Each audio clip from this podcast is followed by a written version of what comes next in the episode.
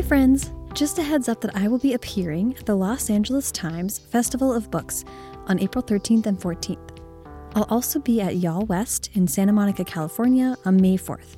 And wrapping up book festival season, I'll be moderating a heap of panels at BookCon in New York City on May 31st and June 1st and 2nd. To get more details on these events, please check out the events page at sarahenny.com or firstdraftpod.com. Okay, now on with the show.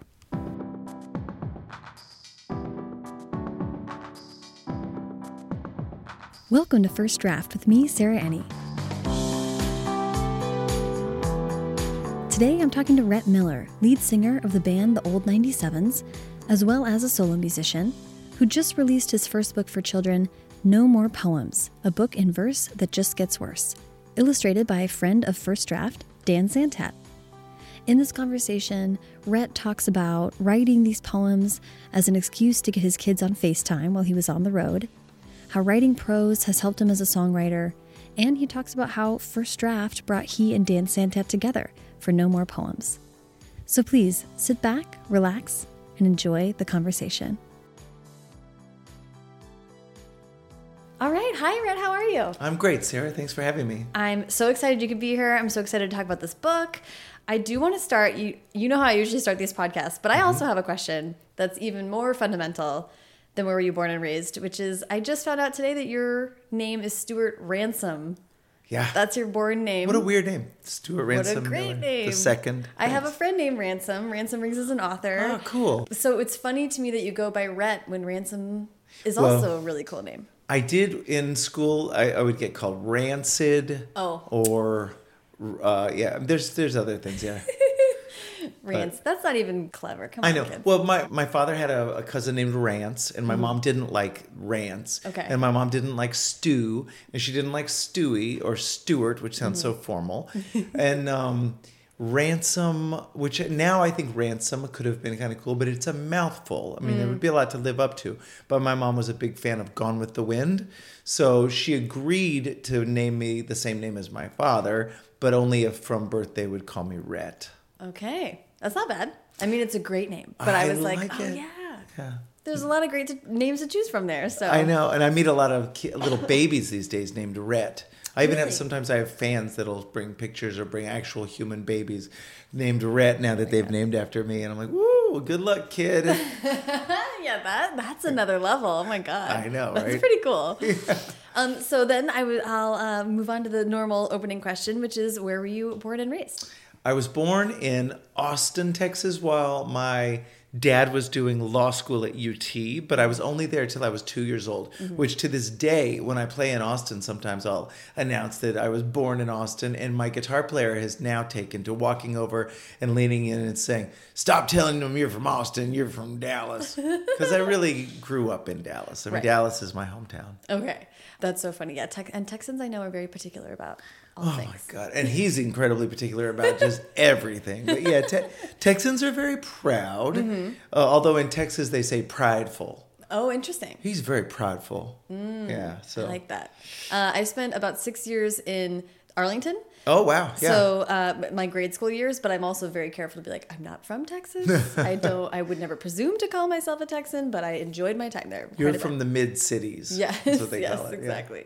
Okay, uh, I want to talk about how reading and writing was a part of your childhood, but you're a musician also, or primarily even. Um, so I want to he- all all of those things. I'd love to just hear how like. First of all, like how like intake of art was a part of your life, and then we'll get to making it. Um, my first love was the written word. Mm-hmm. You know, I, I was probably like a lot of people that I know that do art and that you have spoken to and that you know. Like I was a sensitive kid. I was mm. weird. I felt like an outsider most of the time. I didn't have a lot of friends mm-hmm. in grade school, especially, and also middle school mm. and part of high school. but I I found that my that I really didn't mind. Honestly, mm. my my internal experience was not that I was so miserable. I didn't feel sorry for myself. I had an incredible public library near my house, and I read. I felt like I read every book, like first in the kids section and then going through the just the regular fiction section. I'm sure that that's not possible, but um, but I read so many books and I loved them, and I felt, I just felt happy. And then there was a store that since became a franchise called Half Price Bookstore, mm-hmm. but the original Half Price Bookstore opened up within biking distance of my house, and so I would bike to the original location of Half Price, and I would go in there, and there's a smell mm-hmm. of like old cigarettes and that kind of um, probably mildew mm-hmm. smell of old books. And that smell just to this day, it's like my favorite smell. And like those are not good smells, but but still, I love so much that musty smell of mm. used, loved books just all piled up in a room. I would sit in half price books, and and they were really nice to me. I mean, like the half price books people were these old hippies, especially the people that started it, and they were not they were not focused on a business model that was maximizing profit mm-hmm. at that time. Maybe it's different now. But at that time, they did not mind that this 9, 10, 11, 12, 13, 14 year old kid would come in and sit in the stacks and read through all the Ian Fleming novels and read through all the, you know, just go, I just go through series. And, mm-hmm. and I've always had a soft spot for genre fiction. Mm-hmm. And I would just read and read and read. And it didn't, they, that was, those were my friends. Yeah, that's awesome. And no, yeah, I mean, the people who would come up with even half price books, it's like Yeah. they're clearly in it for the love of it. So Yeah. that's a good thing. So that's really interesting. What was your relationship with music like? Music is something I think now that I think about it, there was a time when the books didn't give me as much as I wanted to. Like my my feelings of being alone and ostracized and other were so strong at a certain point when I hit about 14. I suffered from a lot of depression and uh, I had a suicide attempt when I was 14 years old. And I remember coming out of that, and I had been taking guitar lessons for about a year, just kind of as something to do. And I thought I liked music. But it wasn't until I survived that attempt and came around, and all of a sudden, something in me was. I just knew music. Like this is like this is all I want to do right now. I'm going to process these feelings I'm having um, through writing songs, and I started writing songs in earnest at 14, and so I did my first show at 15, and I realized that this sort of dearth of friends that I had been seemingly fine with, but apparently not, could be corrected by this musical community. And mm-hmm. I found in music, unlike in like the books I was reading, like music was is a communal and collaborative thing. And I found people like-minded people mm-hmm. that a lot of them older than me too, which was its own set of weirdness because then I was suddenly doing things that probably older kids were better at doing than I should have been. And um, but so I really fell in love with music and and the lifestyle of it and the community of it and the live performance of it. And I kept reading and I kept sort of admiring and really just fetishizing authors and the, the idea of being a novelist, which is still my ultimate dream and goal. Like I would go, I stood in line for two hours to meet Kurt Vonnegut, and that just the, those few seconds I got to have with him, that was such a moment that I'll always think of um, as like a pivotal moment in my life. And, Yeah. and he was so generous just in that weird little moment as he was signing Galapagos, I think was the book he was working at the time. And, and um, I thought of, of course, what I was going to say to him forever. And um, so I got up there and I said, Did you know that the asterisk that you put on your autograph that's also your symbol for asshole in Breakfast of Champions? Did you know that that is the Assyrian cuneiform symbol for God? And he said, "Oh well, then I guess I'll probably go to hell." And I was like, "No, no!" Like it had gone horribly wrong. like this Right, thing I thought of, but he was just he was laughing. He was fine, and um, That's so funny. so sweet, and all this dandruff, and he smelled like cigarettes, and and it's those moments that I really love where I realized looking at this guy with all of his weird little human elements mm-hmm. to him like the just the details that I never would have thought. Like oh he's not some guy that just came down for 5 minutes from Mount Olympus to sign autographs. He's a guy with dandruff and mm-hmm. smells like cigarettes and he probably had to drive himself here. He had a driver and he's going to go call his wife and she's mm-hmm. going to be like I can't believe you're gone for another week or she's going to be like I miss you so much or just all those things I really love that the reality of mm-hmm. it when because it's so easy to think that I could never do this because only people who have been touched by God can do this. Oh no, human beings do this. Yes. Yeah, that's a huge reminder not only about books, but of course music too, Yeah. which so I'm, it sounds like at a young age you had like a glimpse of like the real not always glamorous side of making music, which is a good thing. I don't want to skip over. I mean, like, thank you for sharing about the suicide attempt when you were a kid. I that's Yeah. a really important thing. I know you're like passionate about talking about that and being open about therapy and all that stuff, which I uh, think is super important too. I'm really big about talking about my therapist. Um, I read an article that you wrote about that, and you said you woke up to your second act singing a song, which is such a beautiful way of thinking about it. And also, like, just sort of shocking. That line stood out to me so much because it was shocking to think about having a second act at 14. You know, it's so young, but truly, completely like did a pivot in your life, it seems like. What was the Fitzgerald quote? The F. Scott Fitzgerald. There are no second acts in American lives, or mm, something. Mm-hmm. Anyway, I, I, I love quoting F. Scott Fitzgerald. yeah, I don't know. I just there was something about all those years of just feeling bad. I mean, for mm-hmm. want of another word, and then realizing like, oh, you know what? This is it's my job to figure out how to feel good. Mm. And it, ever since then, it's been it doesn't always work, but mm-hmm. that's just I I've tried really hard, and I find so much of it is about books and music and the, and and things that people have devoted their lives to creating, mm-hmm.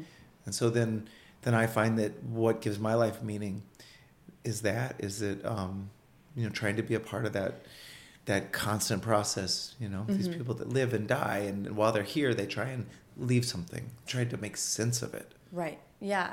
So so when you you know you, you woke up singing and it sounds like it's so interesting to me that you had already sort of started guitar so you kind of had a baseline of something but I'd love to just hear how that took shape like you were obviously writing your own lyrics and then writing songs which came first what was the driving force like how did that what did music creation look like at that young age It's funny. I think when I write a song, it's like a game of hopscotch. You know, it's like there's little music and then little words and little music. But now that I think about it, I hadn't realized this before. But my experience in falling in love with music and mm-hmm. deciding it was what I wanted to do was itself a, a bit of hopscotch in that my brother was playing guitar. It seemed like a cool thing to do. So I started it and then I was like, oh, it hurts my fingertips. The learning curve was hmm. steep. And so I quit and I kept thinking about it. And the thing that I kept thinking was, well, I want to write songs. I want to make up the songs like the ones that I like. And I realized I couldn't do that unless I had some sort of a vehicle. And to this day, my guitar playing sort of reflects my, you know, my limited respect for the art of guitar playing. Like ah, I just I just need something to go into the words to justify me singing this melody, so I'll just strum strum strum. So I went back to playing guitar and got over the hump of getting calluses on my fingers and got past the learning curve specifically in order to enable writing songs. And my first songs were so bad and they were when I was a kid, when I was a little kid, maybe 12, we would summer in Minnesota at this dark lake called Gull Lake up outside of Brainerd. And my mom, who's a super interesting person, loves books, loves singing, um, but also kind of has a dark side. Uh, she, and this story will reflect that, she thought it would be cool if I read aloud to my little brother and sister and her um, every night if I would read aloud to them Vincent Bugliosi's uh, account of the Manson family Helter Skelter. So every night after dinner, we would in this dark cabin with just like blackness surrounding the cabin. I would read, you know, about the the Manson family and how they went into the LaBiancas and put wrote in blood on the wall, pig, and and I'm and there, then we'd look at the pictures, and I'm thinking like, well, it's no wonder. wow We've all got this darkness. So my very first song that I wrote was uh, about Charles Manson. Okay. And it was very specific. It was like Charles Willis Manson. Oh boy, look what you've done. You know, you've killed the actress and the hairdresser too. Charlie, what they ever do to you? So yeah, I just wanted to look at weird stories. I wanted to like look at characters and and in the beginning I was really drawn to like the as maybe teenagers, especially death obsessed teenagers like I was, get drawn to these really dark characters. And um eventually I became more enamored of sort of uh um, investigating those tiny little moments between people in like love relationships or awkward family relationships and it became less about the obviously dark demented mm-hmm. stuff and more about the complicated stuff that's really hard to grasp and get a hold on and make sense of. Mm-hmm. yeah i was just talking to another picture book author and illustrator Jon Klassen about this because he was talking about when he the the like art that he would draw and the stories he would tell when he was a younger man were so much more detached and so much more ironic or uh, you know and weird or apathetic or kind of like frightened right? A little bit scared and that his journey sort of led him to be like more vulnerable with the kind of stories he wants to tell and i feel like that's such a universal human thing but yeah as a kid you're sort of like fascinated by what what you're seeing what stands out what's different but you kind of you don't have a story of your own to tell in a lot of ways. So anyway, I just I think that's no, and, so relatable. And I think you're frightened by the judgment of others, right? Mm-hmm. So I mean, I, I, think it takes a real sociopath to come right out of the gate and just think I'm the most brilliant person that ever lived. Everyone is going to bow down at my feet because of look at this thing I made. No, man, I, I to this day I wonder do I deserve this? Am I good enough? Am I faking it? Mm-hmm. You know, that's something I think about a lot is the imposter syndrome. And I, I feel lucky that I've gotten to a place where it's not as crippling as it was. Yeah, for sure. but yeah, that's that is rich creative ground when like as a kid like those memories uh reading about that creepy stuff on a lake in the summer. I wonder about cool. that because when I had a uh, uh, an illness when I was 12 years old, and I was in the hospital for three months, and I couldn't walk without falling down. I couldn't stand up without vomiting. It was an inner ear imbalance situation. Wow! It was really it was weird, and there were a lot of things about the experience that I felt like informed who I became later. But it was you know not only like the repercussions within the family and the how much it, money it cost, and all that stuff and the, the guilt that I had associated mm. with all of it. But just even when it was happening, and I was this 12 year old kid, and I lived in a hospital for three months in a hospital bed. And for a while, you know, like my dad would spend the night on the couch, or but they can't do that for three months. There's two other kids. And so I, I lived alone in a hospital, and I would go down in a wheelchair every day to the gift shop, and I would buy Stephen King books and Clive Cussler books mm-hmm. and Flowers in the Attic and horrifying books. Yeah. And in retrospect, I'm thinking like, well, how did I do that? Like how how right. could I possibly do that? But I think maybe that's what it was. Was like I'm staring into the abyss, and I just need to. I don't know. I, I honestly I, I can't even really understand what it was. Even now, like especially now, I can't read. Uh, I I've read some Stephen King books as an adult, but I tend to stay away from the really scary ones, like mm-hmm. the one about the JFK assassination, the guy mm-hmm. 11 2263.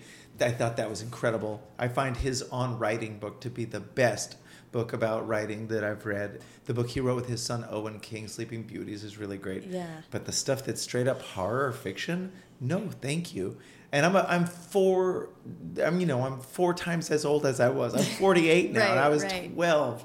So I don't know what that is, but I think there's something about being a kid that just maybe it's the it's that early awareness of mortality and just trying to figure out like what is this even what's happening yeah yeah and i don't think you know your it's not your necessarily even your parents job to prepare you for that kind of stuff you kind of have to go outside of your safe space and test limits and that kind of thing so and yeah, you're having a really scary experience you kind of are like reflect this back to me like is yeah. this real what I'm feeling. And I don't know, kids always go for scary stuff. I think they're always trying to find boundaries there. But I think it's good, and I think it's important. And like even in um, in my book of poetry that just came out, there's a poem that was a little controversial uh, called Brotherly Love, oh, wherein mm-hmm. the dad begs the daughter not to murder her little brother. And he lists all these ways that she could do it. And my editors did ask me to soften it a mm-hmm. little bit. They asked me to take out the word cyanide, for instance.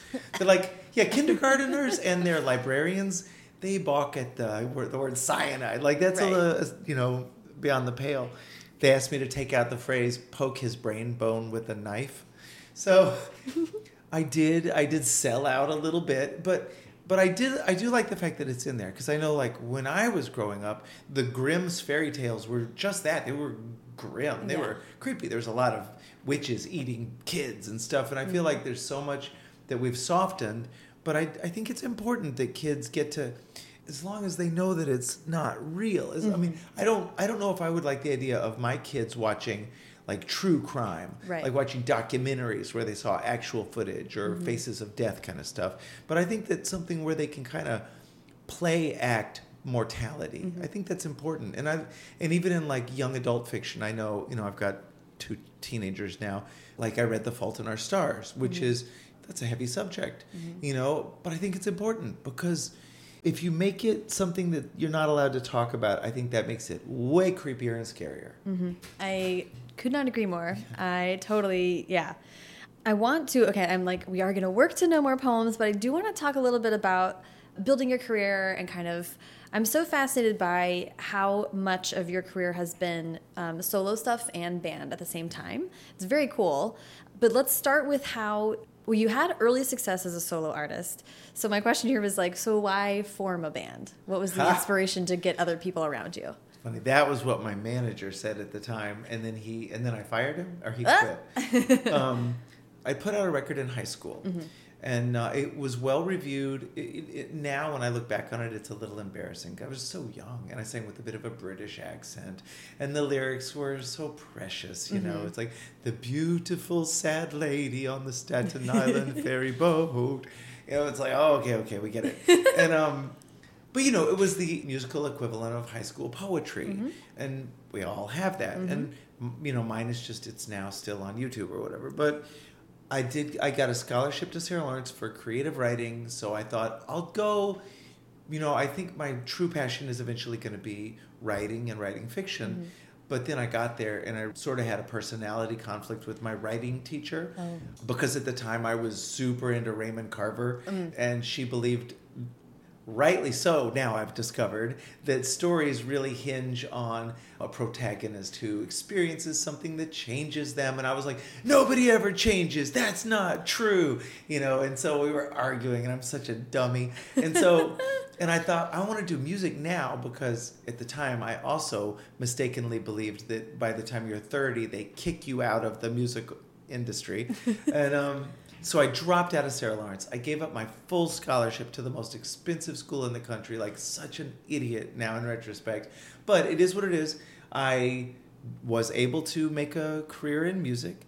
But yeah, when I came back and I Murray, my who had produced my solo record in high school, uh, sort of talked to me and he's like, "Come back to Dallas. Just drop out of school. Come on back." Of course, he's a dropout. He's like, "Come on, man. We'll start a band together." Mm-hmm. And so I thought, "Yeah, let's do this. You know, I, I want to rock and roll. I don't want to be a folky. I'd done folk music my entire high school career, and I thought I'm, I'm a grown up now. I want to rock." Mm. And so Murray and I started a band called Sleepy Heroes, and at the time, my manager said you'll never succeed as anything but Rhett Miller. And so I was like, you're fired. So I did Sleepy Heroes with Murray. That was a bit of a failed start, you know, peop whatever. It's you, I was in my 20s. I was trying things out.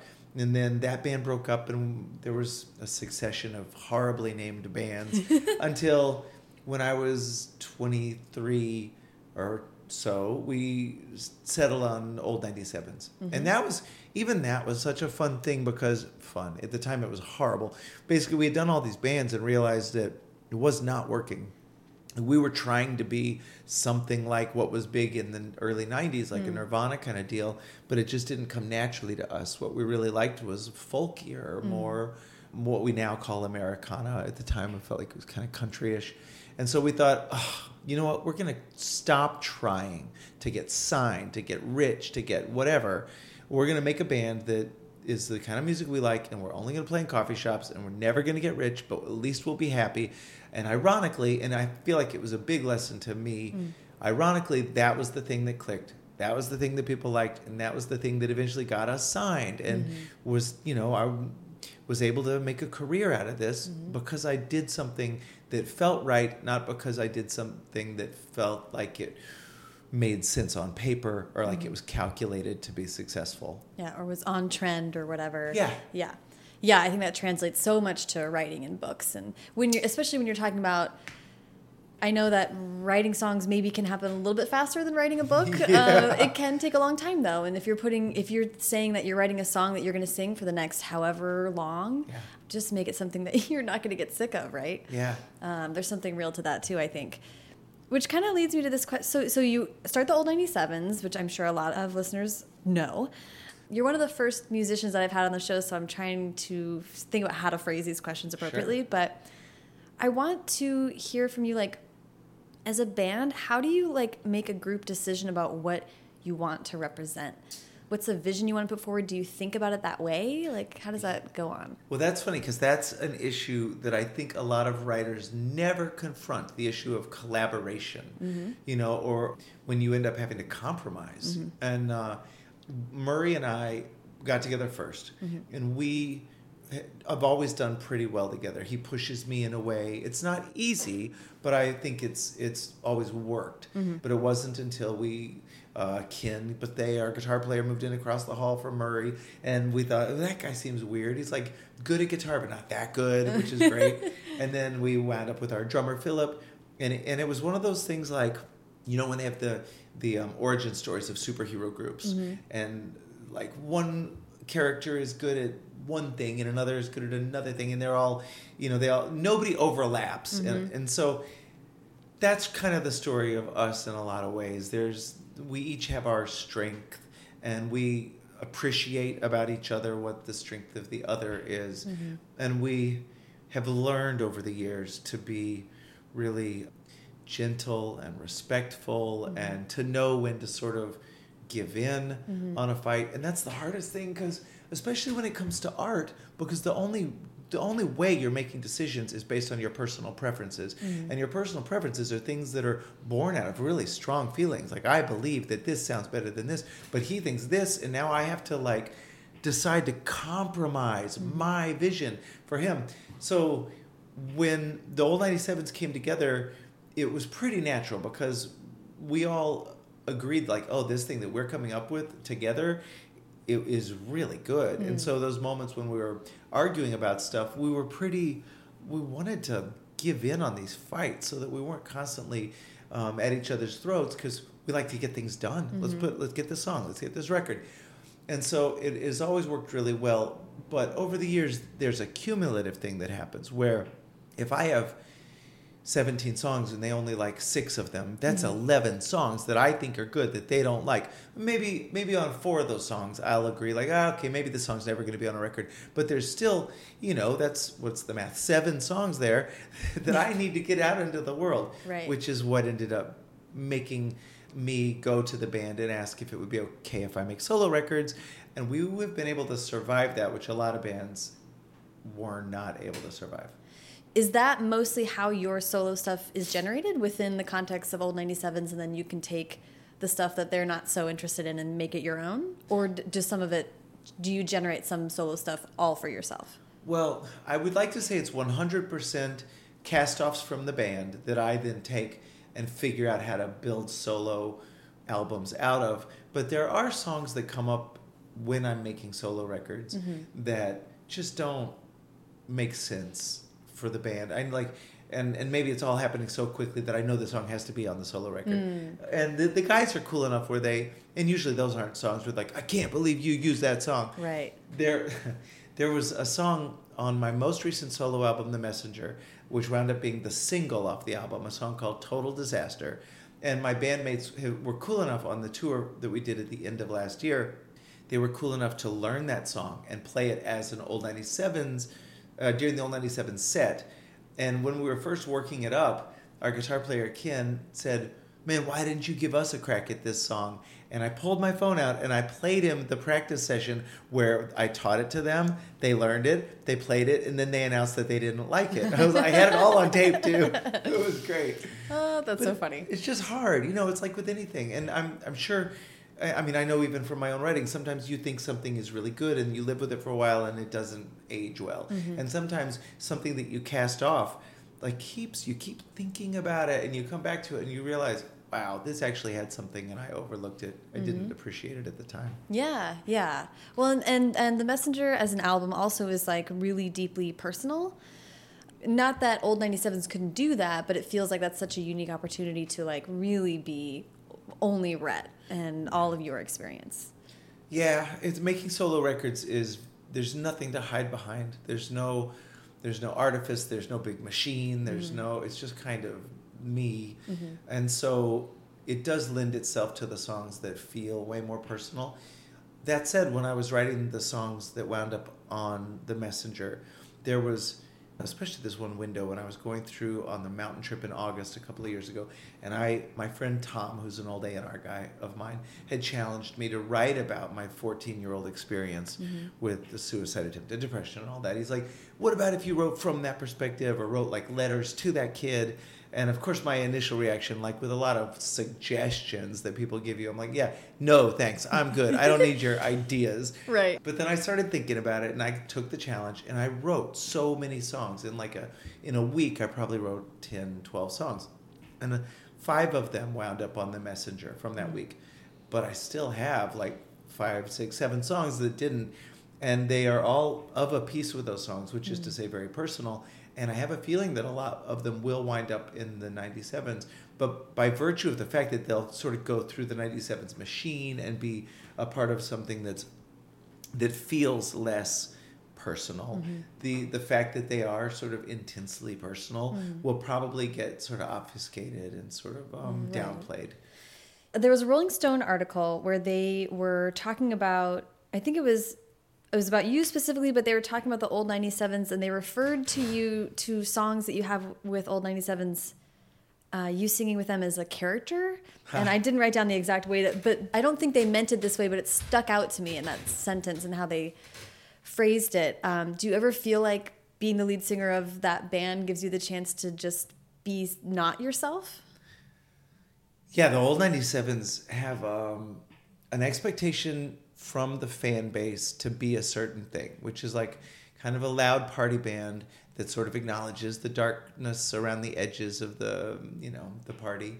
When I'm on stage with the old 97s, I get to be a bit of, um, you know, I don't know, a ringleader in a way that um, I'm more of a confessional song, you know, writer when I'm a solo guy. Yeah. Um, but it's true, yeah. Like the, especially now that I don't drink anymore, Mm-hmm. it's such a weird thing because I make a living by getting up on stage and singing songs about booze and getting wasted and making terrible decisions.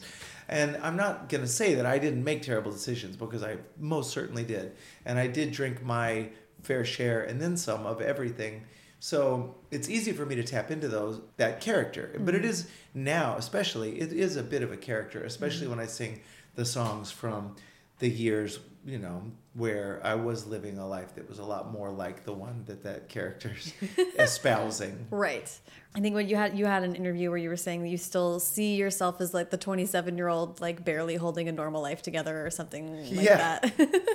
Well, that's what it is in a lot of ways to be a musician, and I think that that ends up being the downfall of a lot of musicians. Is there's um, an expectation of living the life of you know of the characters in the songs, and also I think there's something that I really dislike about the way musicians have always sort of the, the bread and butter of a lot of musicians is that they've got this mystique like I'm mm. not like everybody else you know? Mm-hmm. And I think they get away with a lot and, and I mean we see in the news right now that those sins are sort of coming home to roost and I do I hope one of the things is that we get away from that idea that musicians should be like in a castle in France shooting smack and mm-hmm. having just random sex with people whose names they don't know or mm. whatever like I just don't think I don't think that that's healthy for for kids coming up. You know, like mm. I, I, especially now that I'm doing events where I go talk to kids and I talk a lot about creativity mm. and the creative process, and I really love it because I think it is it is the stuff of life.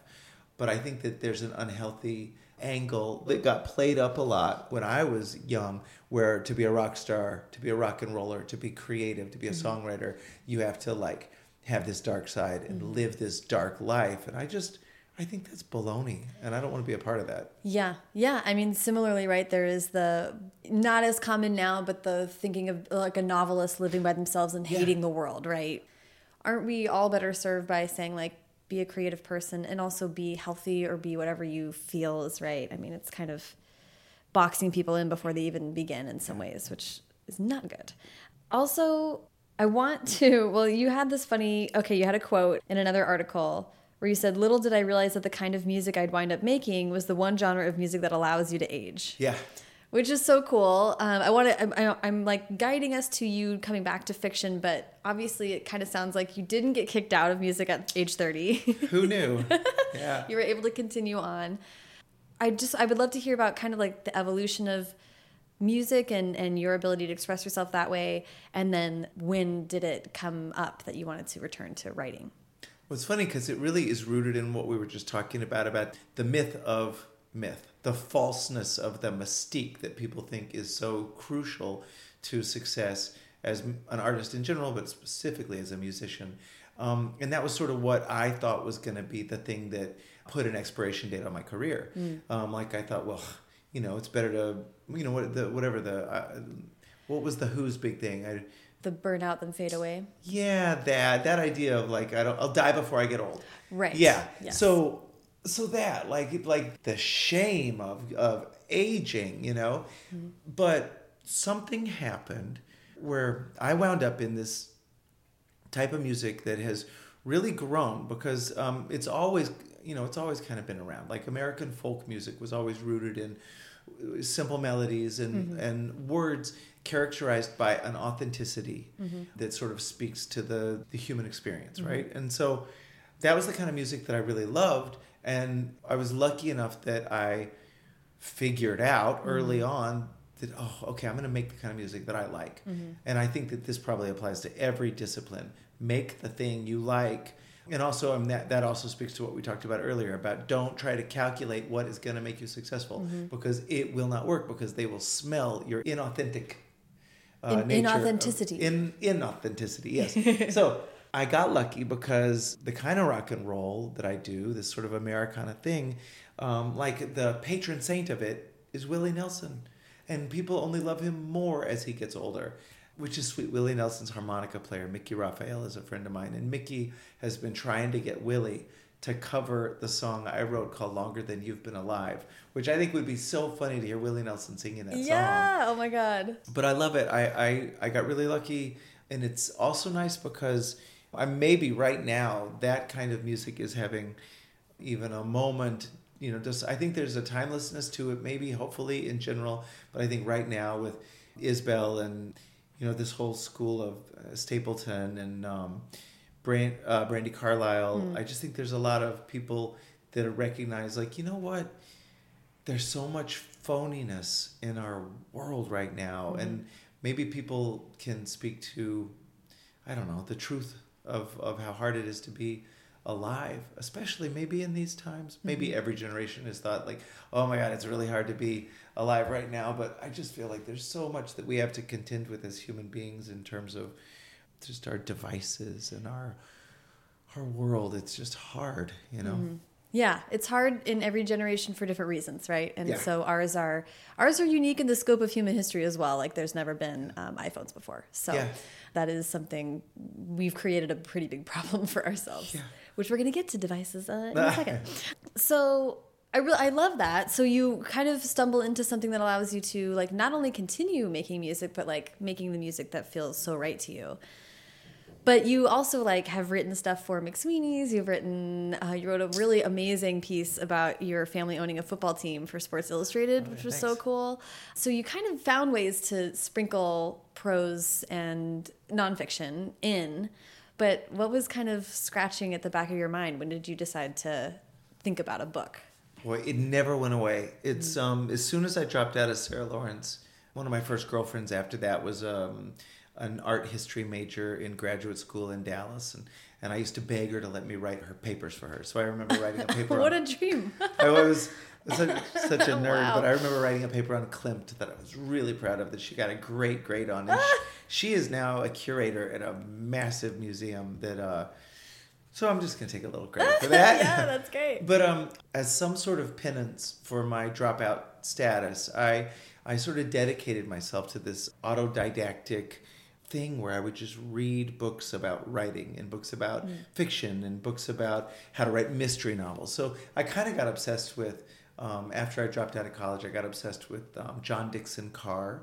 Was an, a, an early whodunit writer, um, 1930s. He is credited as having been the inventor of the locked room genre, and he was great at it. They're just so intricate, and you know he doesn't get too hung up on making his characters three dimensional, but so I really love him, and I got obsessed with the idea of writing mystery novels, and I've got just I have a file cabinet of aborted mystery novel attempts. Uh, every once in a while, I've gone back and, and read them and, and thought, there's good things about this. It's the finishing of them, you know, the long form prose. And so after a while, I just decided, uh, you know what, uh, I'll try and write short stories because I do, I do love some short stories. I, I, I haven't studied them like I've studied novels, but man, my, my dream is that. I mean, and right even right now, I'm in, I'm about sixty thousand words into a manuscript, and it's as deep as I've gotten into something recently, and I feel really good about it. But I'm just at that point, you know, where I'm in the, just the crazy middle of it, where I've got my characters and I've got my plot, and I need to start wrapping it up, and uh, and um, I I did some outlining of it, but you know now I hate my outline. I mean, you know this, right? I'm, Well, I was gonna say, if it makes you feel any better, that's the worst part for everyone. Yeah. So you're that's that's what it is. Unfortunately, sixty k is like crap. yeah. like, what am I doing? Where is this going? But to me, essays felt more like songs. Yeah. Like a song, I could sit down in an hour and have a song finished. And an essay is longer, um, but it's something that I can get my head around it. And you know, one of my favorite writers is David Foster Wallace, and his Infinite Jest is just such a. It's hard to imagine a human being carrying that thing around in their head like it's a weight like it's a like it's a hornet's nest like it's a thing that is just like buzzing and they've got it all in there and they can keep it all together so even my little thing just trying to imagine like i'm trying to think of all the storylines and pull it all together at once and ah my head just exploded Is that how you feel about songs? Do you feel like songs are things that are all of a piece in your head? Maybe there was a time but now i've done it so much that the, the songs are songs are so easy. I can i can breathe these things out. I wrote a song yesterday that i love it. I think it's great. I wrote it three times. I wrote it two days ago and the first draft of it was this really heavy handed uh, thing about my relationship to my father and it was just like all out on the table and it couldn't have been more like in your face and then i thought oh i'm not going to want to sing that every night. And so then i went back and i rewrote it and then i rewrote it again and now it's great. And it took i don't know 30 minutes then another 30 minutes then maybe 45 minutes. And what two hours later i've got this thing then it, and it didn't feel difficult. And part of it was I knew that I didn't have to know everything right at mm. once. And with with with a book, I don't know that yet. And with the kids' poems, like they're more like a song. Hmm. Like I can start it, I can walk away from it, I can come back to it. I can mm-hmm. I know I'm gonna finish this. Mm-hmm. When I'm looking at words sixty thousand and one, I don't believe yet that I can finish it. And so it's just it feels oppressive now. That's very, very interesting to me. And I, I don't know. I mean, like, I can't speak for anyone. Maybe some people do. Like, I've, I have had people say, like, all of a sudden they start writing a book, and it, a week later, it just feels like it bursts out of them. Kind of. That is so not the norm. And I don't know if it makes you feel better, but I've written a whole several drafts of a heist book where even after draft three, I was like, I still don't know what they're heisting but I know why everyone's doing it, why they mm-hmm. care. I'm just like, but but it just it feels like you you do have more time. you makes can so happy. Yeah, you can redo a lot. You can put in a lot, and I mean Stephen King talks about that, right? Like he kind of Yeah. just like almost vomits something out and then goes back and talks about seeding and planting little things and Yeah. but that's so so interesting that you kind of I mean, of course, you're comparing yourself to some of the be- best writers like of all time. Sure. Part of my problem is that I've read so many of the books on about about writing mm. and the rules and even just and I'm almost at a point now where I think I'm paralyzed by them and the rules will contradict each other. Mm-hmm. Stephen King says that you're wasting time doing an outline. Mm. And then the Save the Cat series of novel mm-hmm. writing and screenplay writing, they're like if you don't outline, you're an idiot and all you're doing is wasting your time. And I'm like, who who's right? And I don't know, and I don't know, and and I know that the right answer because I know this from other disciplines that I have. I don't know about mastered, but at mm. least ex, uh, achieved proficiency in, is that there is no right answer. Mm-hmm. All there is is what works for you. And so for me to write a song, I know that that I don't have to know the story behind the song. I don't have to have to know who's speaking. A lot of times it'll be years before I go back and realize, oh, that song's about such and such. And so ah. for a novel, I don't know yet if I'm someone that has to have an outline. I don't know mm-hmm. yet if I if I can do what I'm doing right now, which is to have a loose idea mm-hmm. and build my characters and be. I know that I enjoy being surprised by things that my characters do that I didn't expect, and then I and the most fun I have when I'm writing is when when a character does something and the the plot twists in a way I didn't expect, and all of a sudden I am enjoying being the first reader of this thing as it is appearing on the page in front of me, and I love it. And I think that, and when I go back and read it, I think those are the things that are the most successful that I've written. So I do think I'm somebody that needs to just write, sort of just grab a tiger by the tail and just get flopped around and Yeah. follow the story. Yeah, and I mean, it it kind of like hearing you talk about it, it is possible, I think, for people generally to like once you start reading the advice books or thinking about writing too much, like I think I've seen that happen even with this podcast. Like the, I go in and out of phases where I even want to talk about writing at all. Like sometimes I'll sit down with people and be like, "Oh, structure. What, who cares? Let's talk about like what ideas you have." It's just like I go blow out way to the abstract because sometimes you talk you you can think about it too much Yeah. and there's some magic to it that you need to like let it be magic for a Yeah. while yeah and you're right at the time when that is like your brain will surprise you. But let's let's talk about no more poems and getting to this book coming out because this is not a novel. This is a children's book with with poems and it's so fun and so clever and beautifully illustrated.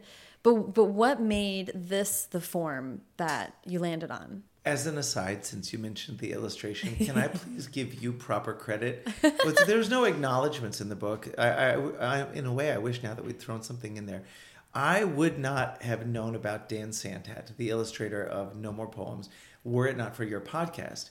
And which is crazy it's so crazy.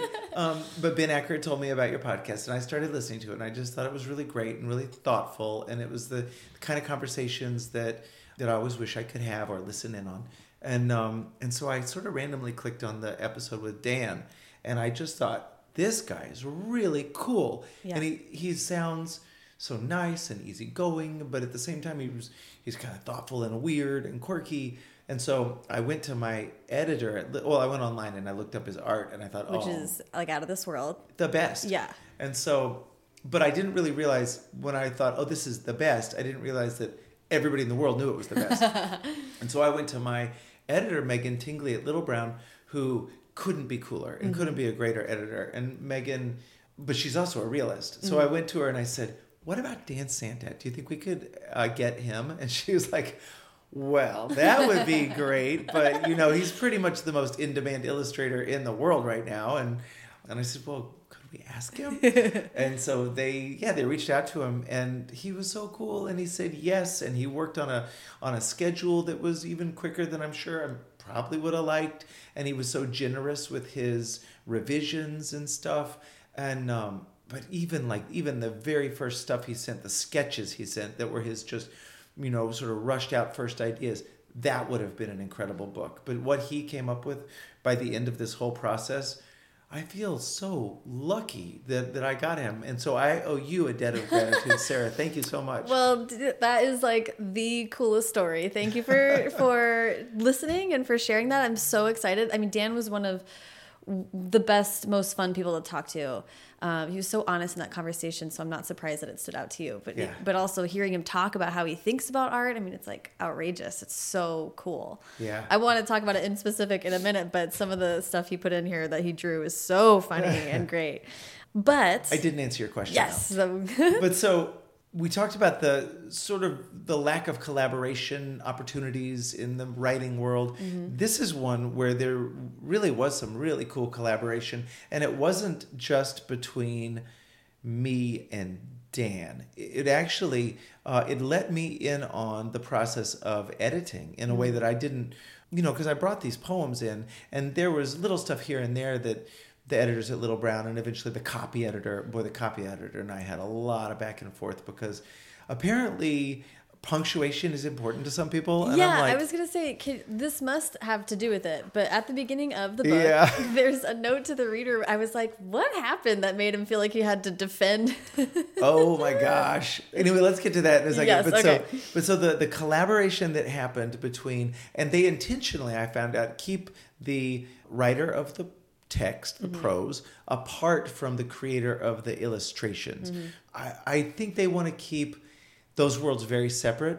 And uh, I think they were afraid that I would be like harassing Dan or Right. arguing with him.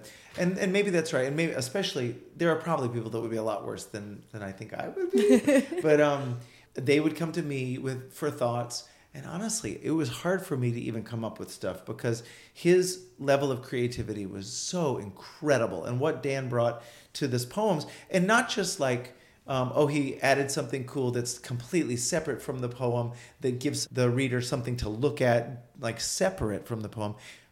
The stuff he came up with augmented the way I think readers will approach the poems. And, like, for instance, this, the poem Brotherly Love is the poem we discussed earlier, where the father begs his daughter not to murder her little brother. That is incredibly harsh. And that's a lot for a kindergartner to deal with. The, the illustration that Dan came up with for that shows an older sister and her baby brother, and he is tied to a toy railroad track. And something about the way he depicted that softens the sentiment enough to where the poem itself isn't so threatening. Mm-hmm. And that happens a lot with these poems.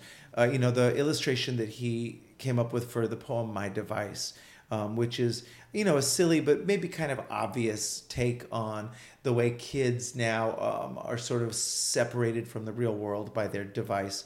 And but the picture that he came up with, which shows two little kids kind of standing back to back in a kind of a gray world, and they're looking at their device instead of each other, and it's heartbreaking, and it lends uh, a gravitas to the poem that it wouldn't otherwise have.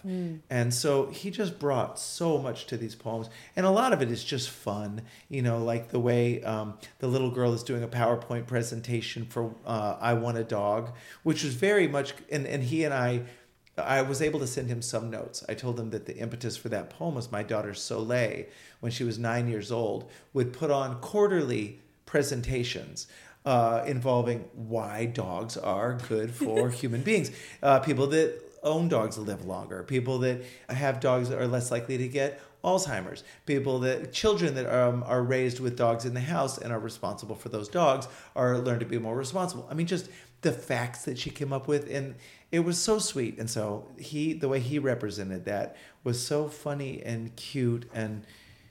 Yeah, the PowerPoint is is uh, slide six of fifty five. Yeah. a little detail that I loved. Yeah, the, well, the details are what are crazy. You know, I uh, one thing that we argued about was the poem 3 a.m. P. You see a sort of uh, thigh down depiction of a little kid peeing in the middle of the night with all the stuffed animals around, but there is a stream of pee that is obvious and bright yellow. and when we were putting this thing to bed, we were all just like, man, are, are librarians going to refuse to stock this because of this yellow stream? And guess what? Everywhere I go, kids are obsessed with this poem. And it's not because of the way I rhymed, you know, uh, whatever, Annie Lee and have to pee or whatever it is. It's because that tiny little detail of the stream. He knew. Yeah. He knew the kids are going to be like, there's pee in the poem. yes. No, and he's like that's so cool, and he's definitely like knows what he's talking about when it comes to what's going to engage kids. And that actually that poem right here, my, My secret, Secret karate, Karate. is the first one, and there's a it's like depicting a kid in a bathroom stall, and some of the like graffiti on the bathroom stall was some of my favorite stuff too. Yeah, he threw in a little old 97s forever inscribed on the bathroom stall. And then I know this was just for him 7 1 deadline. I knew that he had like a July 1st deadline for this piece of art. And he just threw that in there as a little you know, his little rebellion. I love it. It's so funny. But yeah, you do have this a note to the reader. You're talking about copy editing. Yeah. A note to the reader at the beginning. It basically is is you saying like, listen, I understand what grammar is. And Yeah. I and I know it, but these are poems, so I'm gonna break the rules sometimes. Yeah. Don't don't at me, basically. Man, it, uh, yeah, don't at me. there was so much back and forth. And look, I respect anyone whose job is to be a copy editor at Little Brown. That is, I mean, that is a culmination of a life's work. And, and it, it, it is God's work. It is really cool to believe so strongly in clarity of language. And, um, and all we are, you know, even in, in music, in poems, in novels, all we are trying to do with this is communicate clearly with each other and try and get an idea that's going to maybe become universal and touch another person and and so punctuation and uh, grammar are you know crucial to that. But that said if i have a poem i don't want a period at the end of every line. I don't want a colon. I don't want a semicolon. I don't want I don't want any punctuation unless it's absolutely necessary for understanding what is happening at that moment in the poem, because otherwise, it's a visual thing to me. Like uh, I I grew up one of my fa- and like a lot of young writers, one of my favorites, uh, and still actually is E. E. Cummings. And E. E. Cummings, I think, was sort of obsessed with the visual of the poem. And so when I put when I wrote these poems out and then put the proper punctuation on them, it looked like homework. yeah. And I just knew kids were going to look at it and they were going to get tired head and they were going to get like frustrated, like, wait, wait, wait, whoa. And so I begged them, please don't make me put all this. pu-" And so the compromise was that I would write a note to the reader at the beginning and I would explain that some rules are meant to be broken. And when it comes to poetry, I wanted it to read like um, I, I say in here late night little kid mind explosions, where the line between dreams and reality blurs. I didn't want commas and periods and colons and semicolons. We did end up compromising on having some quotation marks because people say things and you need to know what are they saying and what are they not saying. So mm-hmm. that's fine. And I really appreciated the back and forth and I appreciated the fact that they were willing to work with me on it. Yeah, I, and that's great reasoning, right? As long as you can explain it. I think part of having a copy editor, why they're so invaluable, is to see where you messed up, but also to say if you want it this way, why? And I think it's super important as a writer to be like, yeah, no, I, have text messages in my book, and of course they break all this, all these rules. And I was like, it's important to me that the that we know these two are friends, and this is how a friend would, you know, this is like casual for a reason. And it was like great to have to explain that. So i've read that and was like, oh, hmm I've been there. Yep, yep, yep. but so let's talk about writing these poems, the actual like act of writing them. How long did it take you? Did you sell the book before you had these poems? Were you coming up with them already and thought to put something like this together? How did it actually come about? Oh God, no! I did not sell the book before I had the poems. I, I I don't know if I would have felt comfortable doing that, even if they'd offered it to me. I wrote these poems to begin with only for my kids, mm-hmm. and it's funny because this really goes back to what we talked about with the old '97s and the and the way we started our band. I didn't imagine ever making money off these poems. Mm-hmm. It wasn't really until I had dozens of poems and I started looking at them as sort of a stack of poems. And, mm-hmm. and it occurred to me like oh this is like a, this is a book this could be a book but I did when I went to my kids with the poems I I really played up the idea that I might publish them I said you know I said well you know uh, I'm I'm in wherever I'm out on tour right now in in Idaho and I miss you a lot and I want to talk to you on the phone. And like, well, I'm too busy to talk on the phone. I'm like, well, but hold on, I got this new poem. And if just let me read it to you, and then you mm-hmm. can tell me what you think about the poem. Or I would text it to them. I would actually mm-hmm. write the poem and then put the bo- the body of the poem in a text message and send it to them, and they would read it and they would write back and say she would never say that or whatever. Like they would Yeah. give me this just harsh feedback. like I think they went out of their way to be brutally honest about their feelings about the poems, the poem's shortcomings. And that was the way I was engaging them and tricking them into paying attention to their dumb old dad while I was out on tour missing them so bad. And um I would say, well, you know, I need kids to like these poems, and I need you guys to really tell me what you think of it. And so we went back and forth on a lot of these poems, and they changed so much because of these kids. And I- like, I don't even know how many of the poems titles came out of me, you know, uh, brainstorming with the kids. I know for sure. There's a poem called uh, "Hello, My Name Is," and it's it's like it's what we uh, on an album would call like a deep cut. It's not a poem that I read every night in the or every day in the readings or when I go to school visits. It's not a poem that comes up a lot, but I do think it's a really fun poem. There's just a lot in it, and I think if kids have this book, I think eventually it's one of the poems that they'll come back to and kind of live with a lot. But I don't think it would have been anywhere near as good if it didn't have the title. And the title of the poem, it's the in the body of the poem. What happens is uh, the the speaker is trying to remember the name of the person to whom he's speaking, and he's like, "I know, I tell me my, don't tell me your name is," and he's guessing all these names, and they get crazier and crazier, and um, my daughter said, uh, "What if it was like one of those stickers like people wear at a party where it's like, "Hello, my name is." I was like, "Oh my god, that's so brilliant!" Because not only does it it's a catchy name for a poem, but it really contextualizes this this awkward conversation because you suddenly you can picture it. Oh, they're at some social gathering that's just uptight enough to where you have to wear a name tag, and it also gave Dan Santat the um, sort of the cue for his illustration. So I mean, I owe so much of the success, and I don't mean like in term commercially, but I mean just in terms of the way that they connect with the readers and the way that I that even I like them as an author. So much of the success of these poems I owe to my kids who are already complaining that they don't get proper credit for authorship. Oh my god, that's amazing.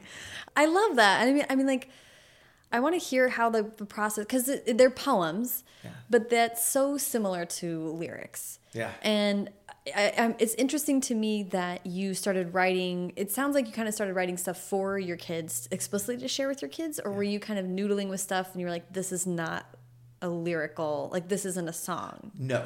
The only one that even came close to ever being a song was this poem called Disco Bath Party. Oh, yeah. But I would just go, I would, when my kid, you know, when kids are little enough, they take baths together mm-hmm. because who even cares? Mm-hmm. And they're in there and they're just being stupid and they're spitting water and you're like, don't put it in your mouth. That's so gross. and, um, but I would take my guitar in there and I would play disco bath party. But those were the only words disco bath party over and over and over. and so when I was deep into writing these poems, I remembered that and I thought that'd be kind of funny. I'll just write a poem called Disco Bath Party mm-hmm. about the, you know, the craziness of the kids' bath time when they're that little. But even then, it wasn't a song. Now I I retrofitted the poem, and now when I go to schools and stuff, I'll take my guitar just because it's nice to have a musical component to the presentation, mm-hmm. and I'll say.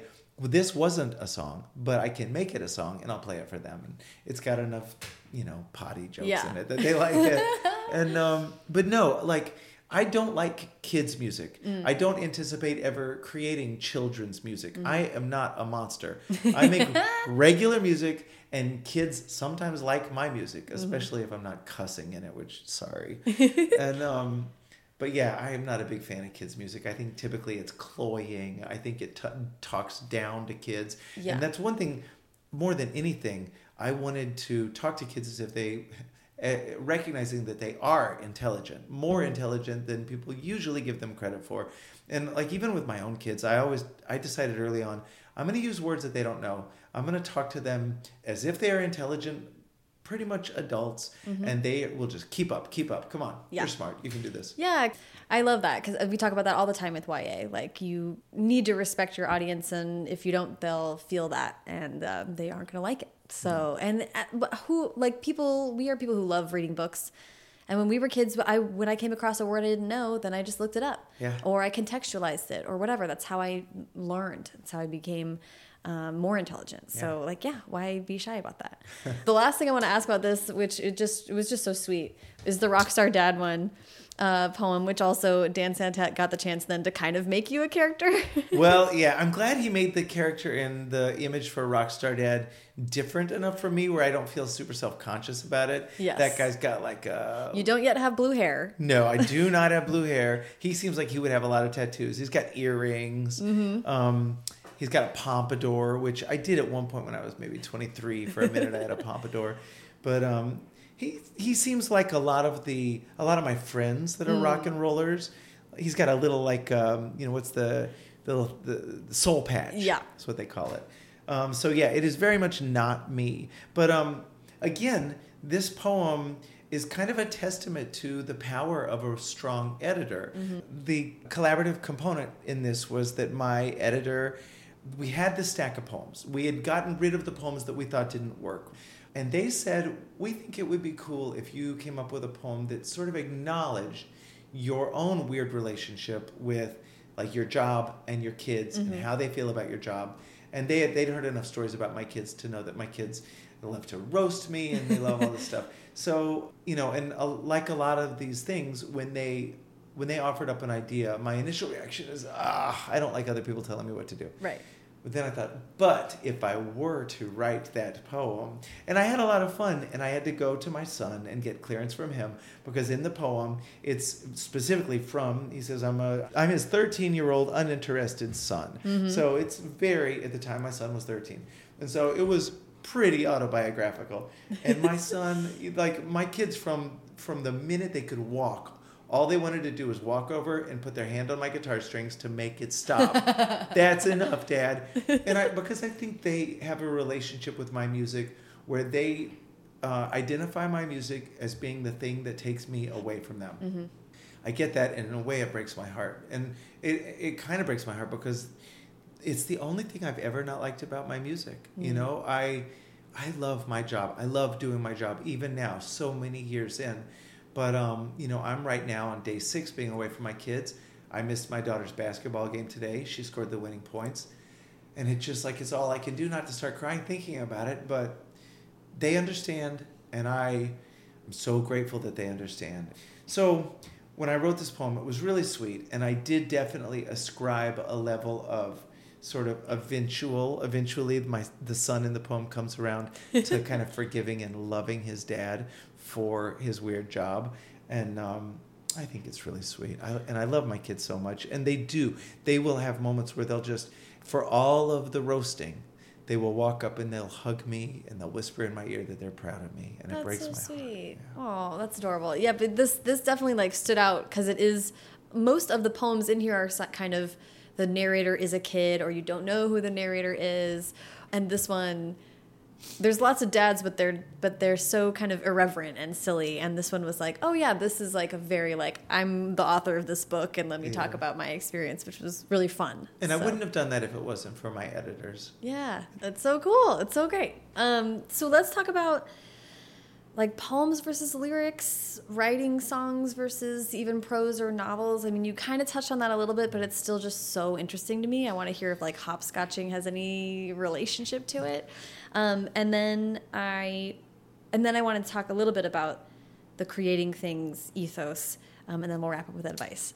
Yeah. So I guess I'd love to hear you talk about like what do you get out of writing prose that you don't get out of creating music and vice versa like how do you think about how those things function in your life Boy, the thing I love about music and writing songs is that it's like um, I was never good at science. I was really bad at biology class. But there's an image I always see where they took a um, something cellular and they would cut the tiniest sliver of it and they would lay it on a whatever a piece of glass and then you look through a microscope at it and there's something to me that about songwriting that feels like that. It's like you're you're dissecting something and looking at it so microscopically and and the feeling of it and the moment of it. It's mm-hmm. about a moment. Mm. And so you know, even with the poems, it gets a little bigger where you feel like there's a story and there's a little bit of an arc. Uh, right now, I'm actually working on a follow up for Little Brown that's a longer piece. That's mm-hmm. basically like some of these poems are, you know, I don't know, 12, 13, 15 stanzas long. And so to write a proper children's book, you need to write something that's like 36 stanzas long. I, I'm, I mean, I'm, I don't know. I'm, these are rules that I'm sort of arbitrarily making up for myself to do this. The, the difference is bigger because it's not so much now uh, drop in, drop out. You need to feel an arc. You need to find characters that you love. You need to follow them through an arc of a story. You need to, at the end, have gone somewhere. But in a way, it's kind of nice because it's like a bridge between what I do with songs, which is very microscopic, and then what I do with the kids' poems, which is a little bit bigger, but it's really just kind of like um, you know drop in on a, a moment, like a light, uh, like a longer moment, let it linger, and then what I've been working on with these longer pieces of prose, which is a lot more like you find the moments that build the story and mm-hmm. then you stack them and you stack them and you hope that they live together and they don't contradict each other or that if they do contradict each other it's, it's that tension creates something that's beautiful and, and adds to the story. And that the, the complexity of that and the way that it makes my head hurt as i try and learn how to do it. Mm-hmm. What i'm learning with this longer piece of children's literature is that that arc is the thing that's been missing in the songs. And it's the thing that i think is going to end up leading me to be able to write longer adult fiction mm-hmm. because it's that. You need i need to learn who these people are mm-hmm. why i need to care about them and then i need to live with them through something mm-hmm. you know? And hopefully at the end i feel like it was a journey that i was glad to have taken. Yeah. and, and i feel like that's what i'm working on now with this piece of longer children's literature.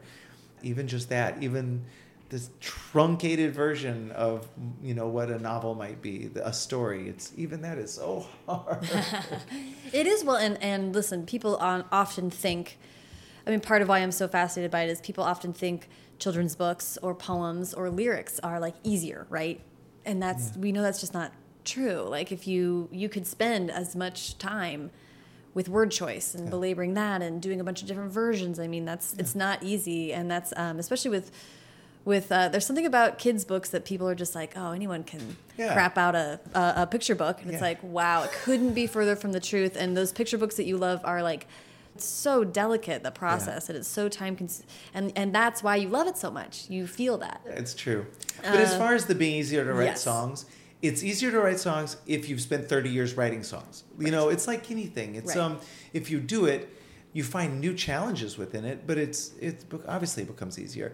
The thing that I keep hoping and the thing that I keep talking to people about in my conversations about creativity that I have is what translates what what how do the credits transfer you know Yeah. so okay i've spent 30,000 hours doing um, songs and i've spent 10,000 hours doing kids poems and or whatever you know what does that translate to in terms of how far is that going to get me for the novel that i want to write you know? Right. because i do think some. I think there's some. For sure. And that's i think part of part of we just talked about defending your your choices means really knowing why you did it. So i think writing a novel is making you realize like what writing lyrics did and didn't mean in that i mean like it's another lens and a way to look at all your other creative stuff. It all builds on itself i think. Yeah.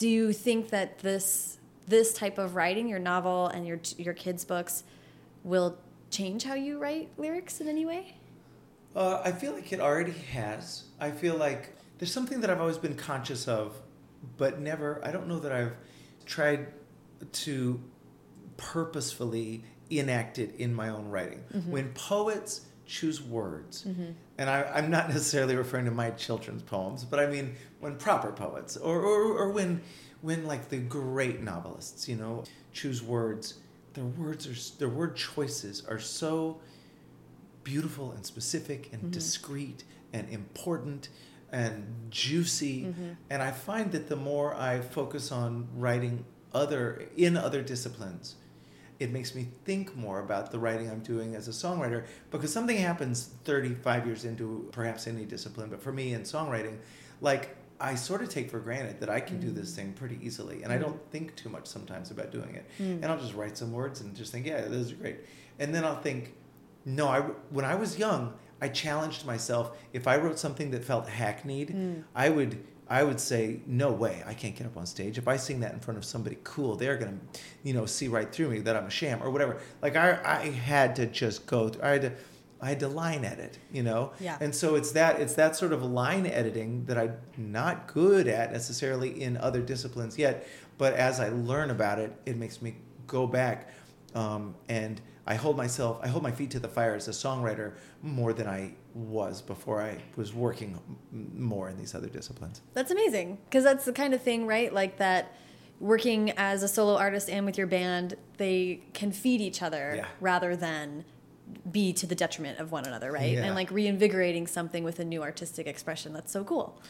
Okay, I have a thousand more questions that I could ask you, but and let's. I talk so much. I'm no, this is such a great interview. I feel like I'm just gonna have to reach out the next time that your kids book comes, your next kid Yeah. books come out, and we'll just have to do a part two because I have a lot more that I want to know. But for this interview, um, let's wrap up with advice. Okay.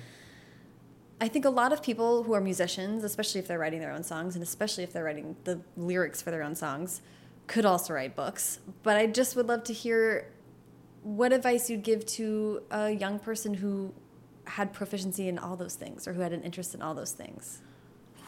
Don't make decisions based on what you think is going to make you money. Hmm. I feel like society perhaps has always been driven by that need to dominate or succeed in a way that can be quantifiably um, measured against other people or whatever. But I just I think that there's a there's like just a a greediness that's engendered by the sort of c- comparisons that are born of social media. I, I don't know. I think there's something inherent to the time we're living in that makes people really.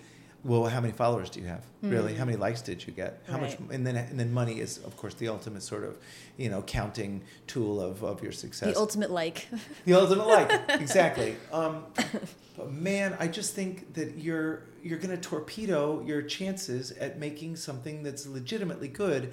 And in the end, no matter what field you're trying to succeed in, your success isn't going to be brought about by trying to have success. It's going to be brought about by making something that is inherently good, which is to say, probably authentic or meaningful. So strive for that. Strive for authenticity and meaning rather than, I don't know, uh, something that seems like it's going to get a lot of likes. It feels like the kind of inherent weirdness of, of trying to come up with something that will go viral. Yeah. It's like the stuff that goes viral is like the weirdest or most unexpected thing. I was just actually talking to Ben Acker about this the other day because he had a tweet that kind of blew up. And it was just like, he was like, who knew Frankenstein Twitter was big or whatever? You know, he just makes a dumb joke and it just is so off the wall and a, and a product of his weird brain that it's so appealing to a ton of people. You kind of just can't plan for that. Well, it's the thing you never expect. Okay, do you think that that after writing two thousand songs, do you think that I thought that this kids book was the thing that was going to get out there and and I mean, so far it's I guess it's doing really well or whatever. But my son walked up to me the other day and he goes, "Nice, Dad. Maybe this is the thing that'll finally make you some money," um, which is which is so my son, right? But um, Oh my God. and he wasn't he is legit very sweet but um but of course it's the thing you don't expect just do what you're gonna do it's it goes back to the old 97s hey let's start a band that nobody will like oh guess what everybody likes it yeah. Not- Yeah. not, everybody but a lot of people like it But yeah, it's obviously resonating with people. Yeah. I think that's awesome advice. I really like that. This has been so fun, Rhett. Thank you for, so much for taking the time. thanks you are a great interviewer Oh, thank you for thank doing what you do